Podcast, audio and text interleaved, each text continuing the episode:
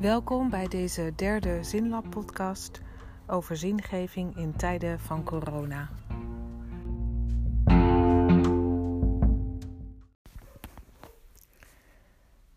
Ik ben de tel kwijtgeraakt hoeveel weken het leven al zo anders is als eerst. Ik merk ook dat de tijd zelf soms een loopje met me neemt. Ik weet niet of je dat herkent. Dat de tijd aan de ene kant zo snel gaat dat de tijd als vloeibare honing door je handen glipt en tegelijkertijd dat je soms tot niets komt. Dat het lastig is om een plan te bedenken en dat uit te voeren.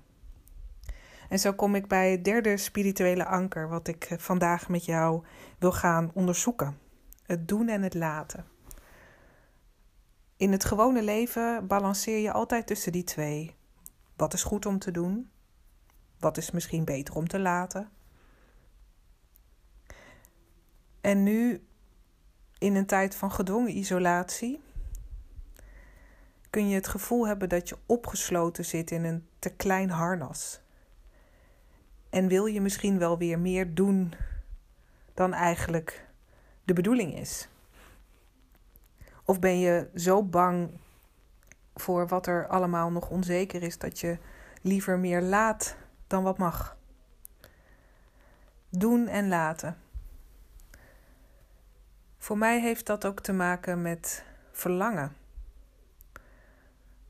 Verlangen is een manier om je te verheugen op wat nog gaat komen. En nu wil ik de woorden gebruiken van Merel Morre, stadsdichter uit Eindhoven, die in een van haar gedichten zegt: Verlangzaam je verlangen. En bij het opruimen van, van een van de kamers van mijn huis vond ik die tekst op een briefje. Ik weet niet meer hoe ik eraan kwam, maar ik nam hem mee en gooide hem niet bij het oud papier, maar legde hem op de tafel om er nog eens goed naar te kijken. En ik deelde die regel: verlangzaam je verlangen. Met een paar vriendinnen van mij. En de een reageerde verdrietig. Zo van: hoe lang moeten we ons verlangen nog verlangzamen? En weer een ander zei: kunnen we niet ons verlangen verleggen naar andere dingen? Verlangen en doen en laten. In een verhouding tot elkaar die anders is dan normaal. Want waar we ons normaal misschien verheugen op wat er in de toekomst allemaal voor leuks op stapel staat, is de sociale agenda leeg. Is alles wat misschien al gepland was gecanceld, uitgesteld. Kun je zelfs de dingen die normaal zijn in je leven niet doen. En moet je dus je verlangen verleggen of je verlangen laten voortduren, laten verlengen, verlangzamen. Helemaal aan het begin zei ik al: doen en laten zijn een derde spiritueel anker. Het maakt uit wat je doet. Net zo goed maakt het uit wat je laat. Ook nu. Ook in tijden van social distancing. Hoe ga je om met de tijd? Hoe vul je de leegte? Vul je de leegte? Of laat je? Ik ben heel benieuwd hoe dat voor jou is.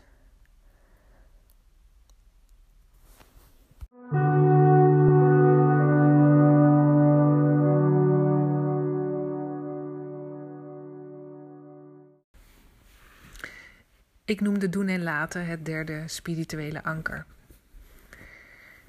In eerdere podcasts heb ik het gehad over vasthouden en loslaten en over de verhouding tussen jezelf en die ander.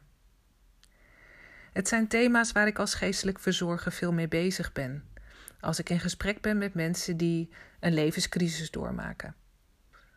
Dat kan een rouwproces zijn, of het doormaken van een ernstige ziekte, of een grote levensovergang zoals een scheiding of het verliezen van je baan.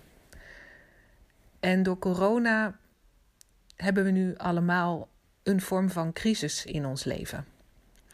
Is er een voor en een na? Ik wil nog graag deze podcast beëindigen door het woord te geven aan een rabbi die leefde aan het begin van onze jaartelling, Hillel.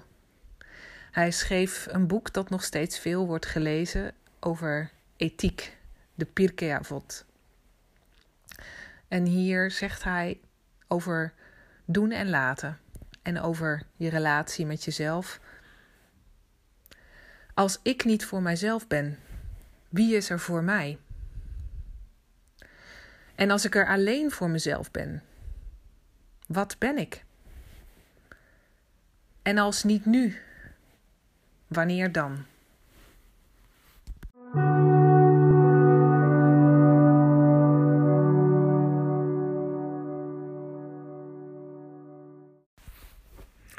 Als niet nu, wanneer dan?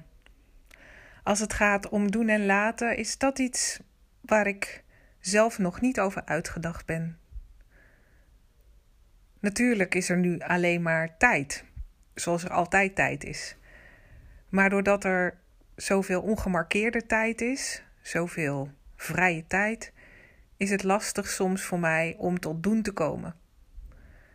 Of ben ik zo bezig met het vullen van de tijd dat ik het later heel lastig vind? Als niet nu, wanneer dan? zei Rabbi Hillel.